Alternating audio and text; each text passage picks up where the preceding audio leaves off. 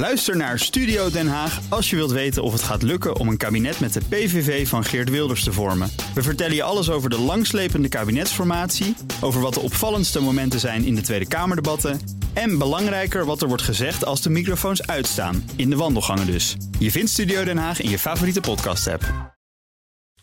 De column van Marianne Zwagerman. Ter ere van de Dag van de Leraar spreek ik vandaag op een zwarte middelbare school in Amsterdam.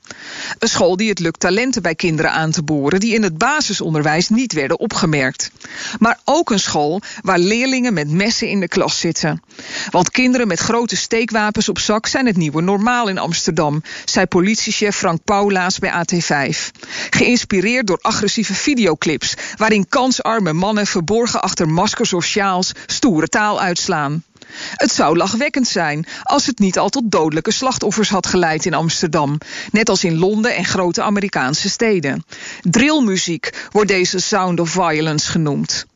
In Londen laat de politie de clips van YouTube verwijderen in de hoop de epidemie van doodgestoken jongeren te stoppen. De rappers zien de video's niet als oorzaak van de moorden, maar als uitlaatklep. Ze laten zien wat zij elke dag meemaken op straat.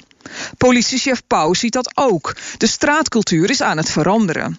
Komt dat door de video's? Of weten wij pas wat er in de ghetto's gebeurt dankzij de clips op YouTube? Het duivelse mediadilemma. Toon je de werkelijkheid, ongeacht de consequenties, of laat je stukjes werkelijkheid weg en werk je zo mee aan het creëren van het beeld van een niet bestaande maatschappij? Albert Heijn koos in zijn nieuwe campagne moedig voor de eerste route. Ilse, de opvolgster van de sukkelige supermarktmanager Harry Piekema, is in de spotjes het akelig realistische product van het mutsenparadijs.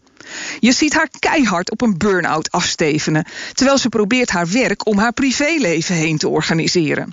Met een man die niks nuttigs bijdraagt en het verschonen van het hamsterhok en het bereiden van uitgebreide maaltijden aan zijn vrouw overlaat. Die ook nog eens naar yogales wil en er voor haar moeder moet zijn.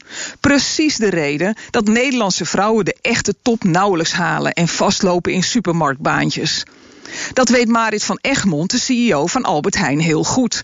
Een vrouw die haar privéleven niet uitvindt, maar zich op haar werk concentreert. Google maar eens. Nergens geleuter over een eventuele man of kinderen. Zoals de CEO van KLM en ABN AMRO ons ook niet vermoeien met hun huiselijke beslommeringen. Liever zag ik carrièrevrouw Marit in de campagne. Maar het mutsenparadijs van Ilse is de realiteit. Het ghetto van de middenklasse. En dat zijn Marianne Zwageman. Op dinsdag altijd onze columnist. En u kunt haar column terugluisteren op onze website. fameusisie, bnr.nl. En in de BNR-app, die hebben we ook. En daarnaast kunt u daar ook alle podcasts vinden van BNR. Ook Diana Matroos vind je in de BNR-app. Ja, inderdaad. Je kunt live naar mij luisteren tijdens de Big Five. Ook handig in de BNR-app. Breaking nieuwsmeldingen, maar ook het allerlaatste zakelijke nieuws. En je vindt in de app alle BNR-podcasts, waaronder Wetenschap Vandaag. Download nu de gratis BNR-app en blijf scherp.